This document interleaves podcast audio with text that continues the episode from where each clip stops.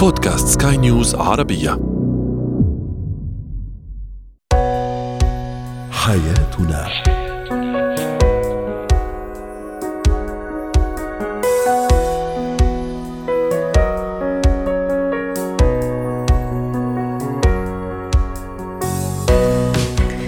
مستمعينا الكرام أهلا بكم معنا إلى حياتنا فضاؤكم اليومي الذي يعنى بشؤون الأسرة وباقي الشؤون الحياتية الاخرى والذي يمكنكم الاستماع إليه عبر منصة سكاي نيوز عربيه dot com slash podcast وباقي منصات سكاي نيوز العربيه الأخرى. شاركونا على رقم الواتساب 00971 561 8862 اثنان ثلاثة. معي أنا أمال شابة اليوم نتحدث عن الشريك المتسلط. لماذا يتسلط بعض الأزواج والزوجات أيضا؟ وكيف الحل معهم؟ وما التعامل السليم معهم؟ ما هي أثار إحراج التلميذ أو الطالب من قبل بعض المعلمين على مرأة ومسمع زملائه وأقرانه؟ وأخيرا الشخص الذي يلعب دور الضحية. هو وهي. من دون شك الشخص لا يرتبط بشريك الحياة وبشريك العمر حتى يمارس التسلط أو يمارس عليه هذا التسلط. لكن رغم هذا في بعض الزيجات وفي بعض العلاقات بين الزوجين قد يظهر أحد أحدهما زوجا أو زوجة بهذه الصفة. صفة التسلط. للحديث عن هذا الموضوع رحبوا معي بالدكتورة نهاية رماوي الاستشارية النفسية الأسرية سعد أوقاتك. دكتورة نهاية ما الذي يجعل هذا الشريك يتسلط في علاقة مفروض أنه التفاهم والمودة والحب والحوار هو وهذه هي أهم أساسيات هذه العلاقة. وإذ بصفة التسلط تظهر في بعض الزيجات وفي بعض العلاقات سواء كانت من قبل الزوج وأحيانا من قبل الزوجة.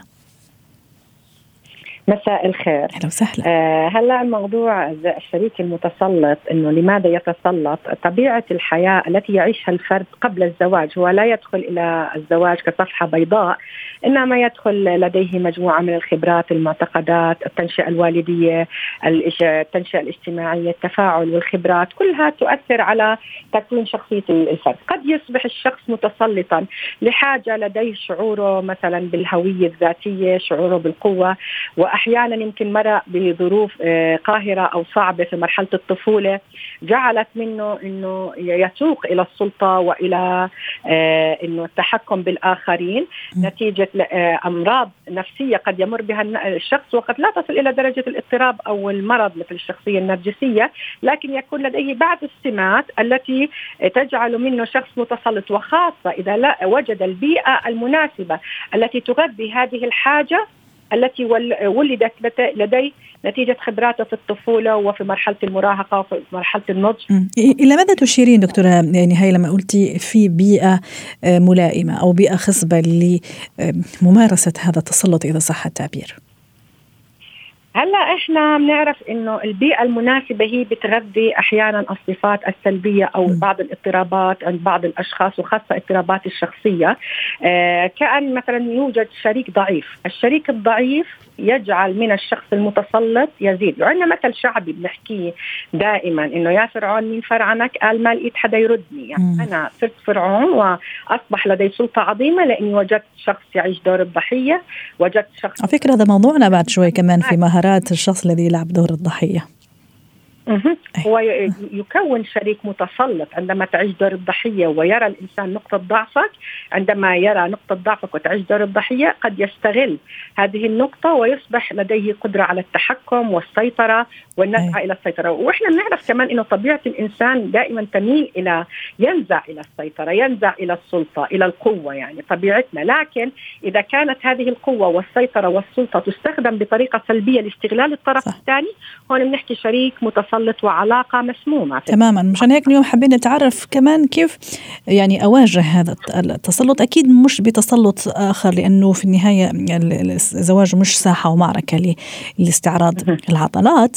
وكمان كنت حابة أقول أشير إلى شغلة كمان كثير مهمة فيما يتعلق بموضوع التسلط. زي ما تفضلتي في البداية أشرتي قلتي في البعض يجي محمل بأفكار في البعض يعتقد سواء زوجات أو أزواج.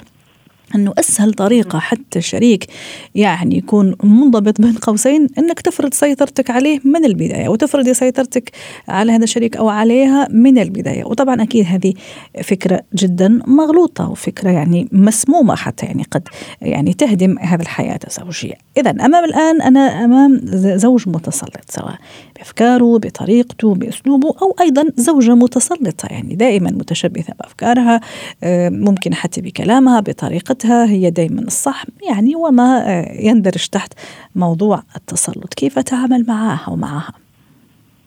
تمام مثل ما حكيت يا أمال إنه ممكن يكون الشريك هو زوج أو زوجة متسلط. يعني ممكن الزوجة كمان تتسلط على الزوج لكن إحنا في مجتمعاتنا يمكن لأنه دائما يعني المتعارف عليه إنه السلطة بيد الزوج هو من يتحكم.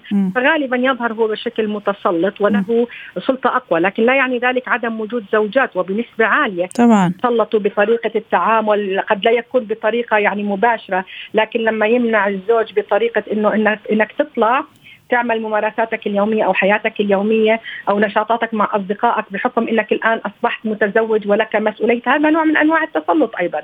عندما مثلا أنا أغضب في رده فعلي مثلا من موقف عمله الشريك في حياتي وعندما مثلا أحس إنه رده الفعل مبالغ فيها على موقف أنا قد أكون أخطأت فيه هذا أيضا نوع من أنواع التسلط.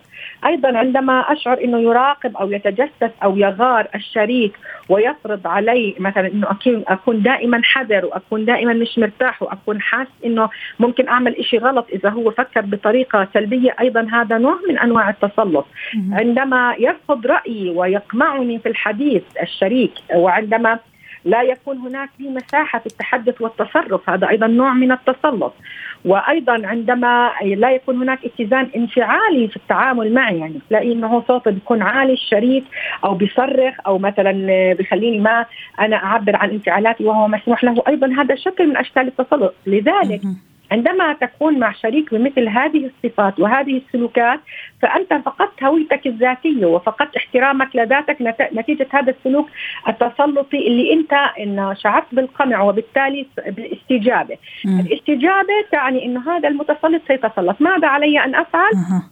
هنا تأتي بعض الأمور، من أول ما أبدأ أشعر إنه الشريك يتسلط بدي أبدأ أتجاهل أي سلوك تحكم يعني أنا اليوم عندي آه، طلعة مع صديقاتي إنه أنا بفضل ما تطلعي لأنه آه، ما بصير تطلعي بهالوقت الساعة ممكن تكون وقت طبيعي ساعة مغربية ساعة ستة ويتحكم وليس إنه في غلط في السلوك. أنا لا أستجيب. بحكي له إنه الوقت طبيعي وبناقشه وبطلع لأنه حتى ما يتحكم فيي لكن إذا كان مطلبه طبيعي وإنه أنت مثلا تعملي شيء فيه خلل ساعتها هون لا يكون تسلط إنما يكون يعني مطلبه طبيعي وواقعي. لكن المطلب غير الواقعي من أجل السيطرة والتحكم هنا لا نستجيب للسلوك حتى لا يتعزز عنده آه، دائما السلطة والقوة ويصبح عنصر التخويف أو عنصر التهديد أو عنصر اللوم. آه إنه هو الجزء الكبير اللي بيتعامل معي بالاخر يبتزني بهذه المشاعر وبالتالي أستجيب وهو يقوى وأنا أضعف. بس كمان معلش يعني حضرتك أعطيتي مثال وأنا كمان يعني حابة شوية أرجع له. يعني أكيد هو مش يعني مش قاعدة يعني قضية مثلا أنه أطلع وما أطلع في هالوقت وما هالوقت ممكن هي عندها وجهة نظر وهو كمان عنده وجهة نظر. ممكن نلاقي وقت آخر بديل. يعني مو شرط قصدي أنا كحل وسط عرفتي كيف؟ لأنه في النهاية ما بدنا تكون كمان الساحة مثل ما أشرنا أنه لا أنا أطلع أو أنت ما تطلعي عرفتي كيف؟ ممكن راح أفهم وجهة نظره ليش يعني بالنسبة له هذا التوقيت مزعج أو ليش بالنسبة له هذا التوقيت جدا مهم. فممكن كمان يعني الرجوع أو اللجوء لبدائل لحلول وسط. طبعا. أتصور أنه يعني شيء. يعني مثالي وجيد. شكرا لك يا دكتورة نهاية رماوي. اسعدتينا ضيفة عزيزة من عمان. يا أهلا وسهلا. زينة الحياة. اليوم في زينة الحياة نتحدث عن سلوك في الحقيقة هو آني يعني لكن أثاره وخيمة وسلبية جدا على أولادنا على تلاميذنا وعلى طلبتنا اللي هو إحراج التلميذ من قبل المعلم أو بعض المعلمين على المرأة ومسمع الجميع. ما هي الأثار النفسية المدمرة التي سوف تنطبع وحتى تندمل يعني في في نفسية هذا التلميذ. رحبوا معي بالدكتورة منى لملوم الخبيرة النفسية وتربوية سعد أوقاتك دكتورة منى أهلا وسهلا فيك. كان هذا سؤالنا التفاعلي. كان سؤالنا من وحي موضوعنا. من هو المعلم الذي أثر فيك وأنت صغير وما زلت تذكره ولماذا؟ على فكرة ممكن التأثير قد يكون إيجابي وقد يكون سلبي. أبو فهد يقول مدير مدرستي بالقسم الثانوي كان رجل حقيقي ومربي فاضل.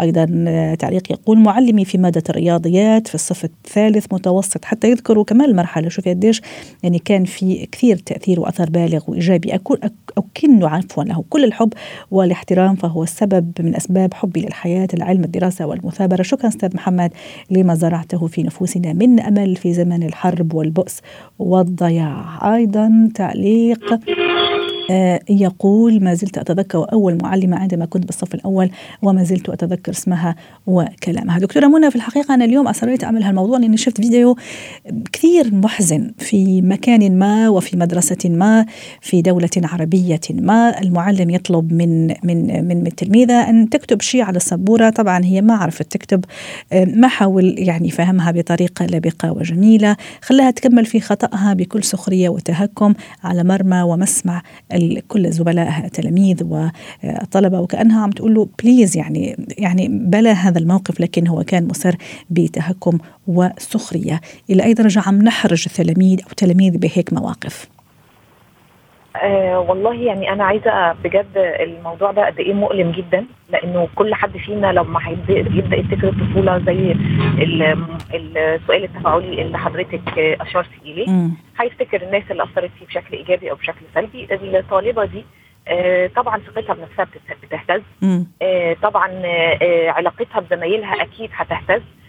آه نظرتها لنفسها في المستقبل وإنها عندها القدرة إنها تنجح مش هتكون آه، بنفس القدرة بتاعه آه، أي حد لقى تشجيع من مدرسه.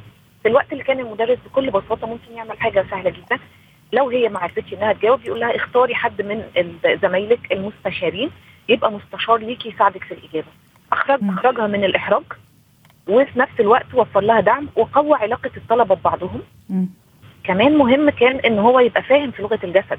تماما. أحيانا كمان أستاذة منى أحيانا بعض المعلمين يعتقدوا إنه إنه إنه مثلا هذه طريقة جيدة ممكن حتى يحفزه ممكن حتى يطلع فيه أحسن ما عنده. واذا هو بالعكس يعني طريقة سلبية جدا بالعكس قد تعقد التلميذ تخليه مرة أخرى ما يشارك في ال في, ال في ال يعني مع زملائه بتخليه يخجل بيخاف ممكن يقول شيء بيخاف يغلط ويخطئ.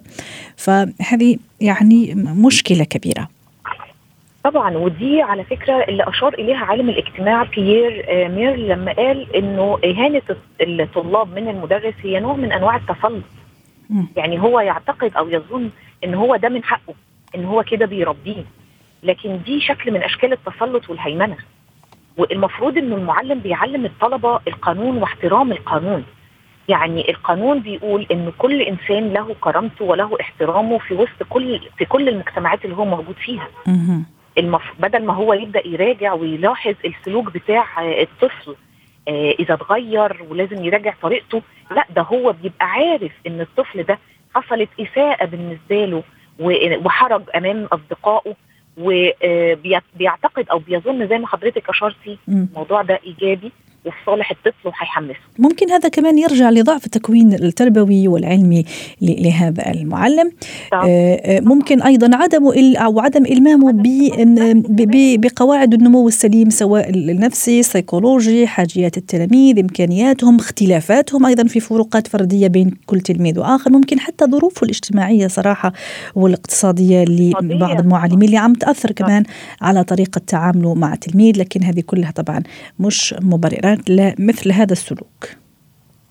طب بالظبط يعني زي ما حضرتك أشرتي إنه لو هو ما عندهوش التكوين أو التحضير العلمي يعني كليات التربية المفروض إنها جزء من اللي بتقدمه للطلبة بتوعها إنها تؤهله إزاي يتعامل مع الطالب صح. خلال إن هو يكون عارف الجوانب السلوكية بتاعة كل مرحلة والنمو والاحتياجات بتاعة النمو.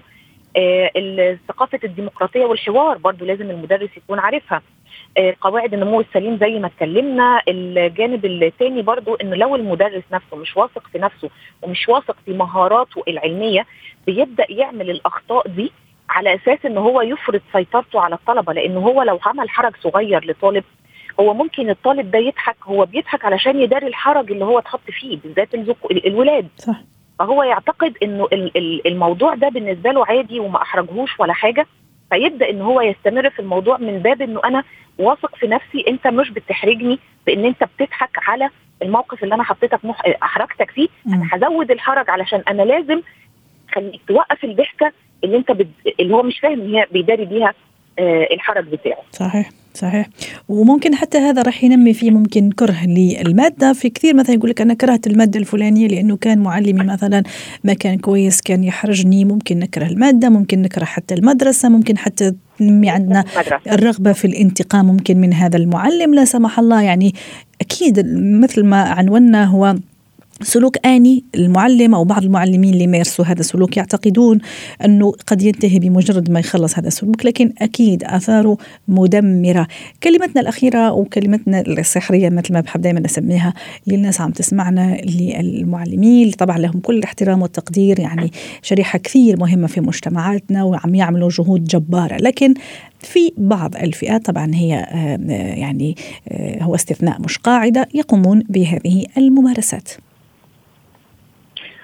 يعني خليني برضه أقول لحضرتك لو هنوجه نصائح للمعلمين وبرضه هو نصائح سريعة جدا لأولياء الأمور النصائح اللي هنقولها للمعلم إنه لازم لما يكون في مشكلة سلوكيه عند الطفل مضايقاه ما يقولهاش قدام الطلبة زمايله.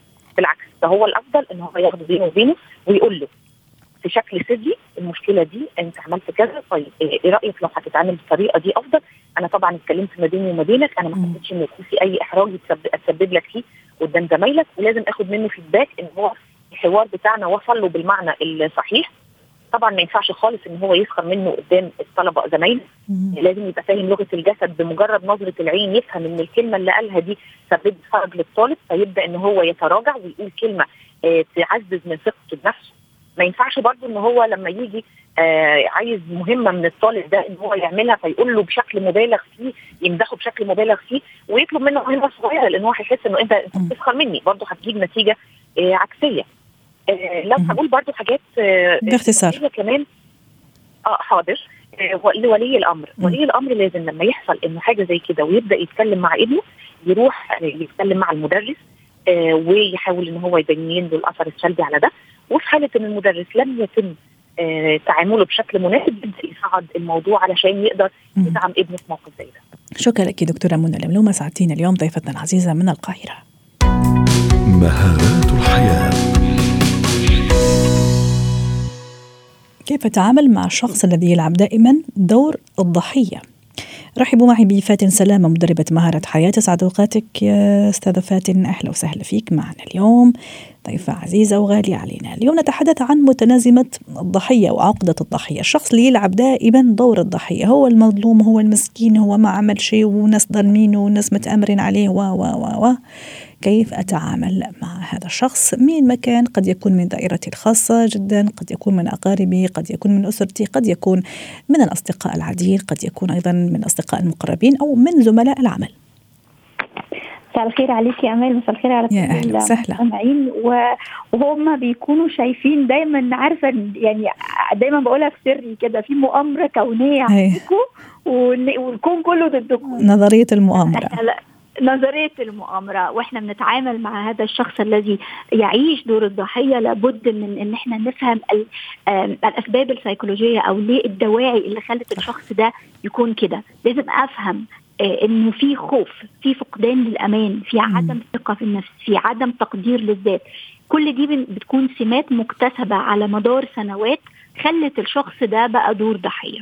لو أنا بربي طفل هو الطفل قلما ما يلعب دور الضحية لأن هو لم يكتسب هذه الصفات بعد ولكن إذا أنا عالجت فكرة انعدام الثقة بالنفس وإن أنا أحس اللي قدامي بالأمان سوف سوف يقل يعني إحساسه أو تمثيله لدور الضحية. هو دور فهو بالتالي هو الممثل ده بي بي بيكون عنده عدم الإحساس بالمسؤولية.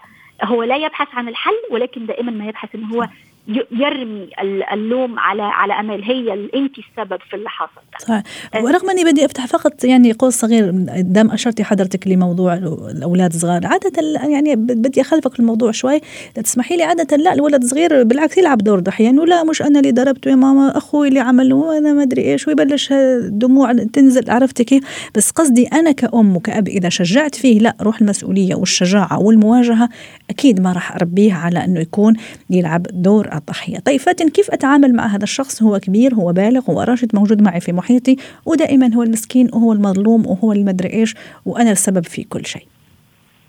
أول حاجة بالنسبة لي أنا لازم أسمي أنا كشخص بيتعامل مع هذا الشخص اللي هو بيمثل دور الضحية سواء أنا كنت أم سواء أنا كنت مدير في العمل سواء أنا كنت زميل لي لازم بالنسبة لي أسمي المسميات بأسمائها الحقيقية. أنا لست مذنب. أخوك مش مذنب. أمال ليست مذنبة. فبالتالي الضحية لن يستطيع إن هو يستدرجني إلى دائرته. لأن هم بيكون عندهم هذه دموع التماسيح وال والقوه في إن هو يؤثر عليا إن هو فعلا ضحية. فأول حاجة لازم أعرف بالظبط أنا مش مذنب. لا هو الممثل عليا دور الضحية. أو لازم أقدر إن أنا أوصله فكرة أساعدك إزاي؟ يعني أنت يعني خلاص. وأنت مش متهم كمان يعني أنت مش في كل الأحيان الأحوال متهم يعني أحيانا بس حابة أستفسر حابة بس أعرف. فبتلاقيه هو هو هو مش متهم هو مش عاي... هو مش مديكي فرصة إن انت تتهميه. هو عنده عدم ثقة بنفسه. هو مش عايز يديكي فرصة إن انت تتهميه. هو مش عايز أصلا إن انت تلقي باللوم عليه مم. فبالتالي بيلقي اللوم وأعذاره جاهزة. عليكي. والأعذار طبعا بتكون جاهزة لأن هو خلاص هو من من سن مبكر جدا. يعني عشان وقتنا انت بتتكلمي على الطفل الطفل اللي بي اللي بيلقي أو بيعيش دور الضحية بيكون فوق السبع سنين يعني أول سبع سنين م. بيكون في نقاء تاني سبع سنين عشان أول سبع سنين ما كانش فيه security ما كانش فيه تربية لل self-esteem أو الثقة بالنفس فبدأ يكون عنده دور الضحية بدأ يكون عنده هو ما بنسموش دور الضحية بنسمي شوية إن هو بيكذب بعد كده م. بيكون دور الضحية.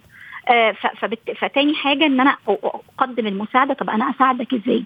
إيه الطرق اللي إحنا ممكن نعملها عشان نطلع من المشكلة اللي أنت فيها؟ فبالتالي دي بتخليه بدل ما يبحث عن إن هو إلقاء اللوم لا أنا بدور عن حل فعلا للمشكلة اللي أنا عليها مهم قوي إن أنا أمدحه واحفز فيه صفة جيدة بمعنى لو أنا مثلا مثال الابن اللي انت بتقوليه اللي هو مثلا أخويا هو اللي ضربني لأ ما أعرفش إيه. طب أنت أنت أنت you are kind أنت حنين أنت ما تضربش أخوك ما تمدش إيدك على أخوك. فبالتالي تحفيزه بأن أنا أفكره بصفاته الإيجابية ده بيعلي من عنده الثقة بالنفس وبالتالي بيحفزه إن هو يرجع لورا شوية عن إن هو يمارس دور الضحية ونفس الشيء بالنسبة لي علاقتنا العادية صح مع الناس الكبار البالغين الراشدين اللي زينا وزي بالظبط انت تقدر تعمل حاجة تانية. مش لازم ان انت تداري مش هسميها فشل تداري اخفاقك في شيء معين ان أنا أقول لا مش أنا السبب ده أمال السبب أو فاتن السبب أو ايا ما كان. واضح. شكرا لك أستاذة فاتن سلامة سعدتينا اليوم ضيفه عزيزه من القاهرة. حياتنا. ختام حلقة اليوم من حياتنا. شكرا لكم وإلى اللقاء.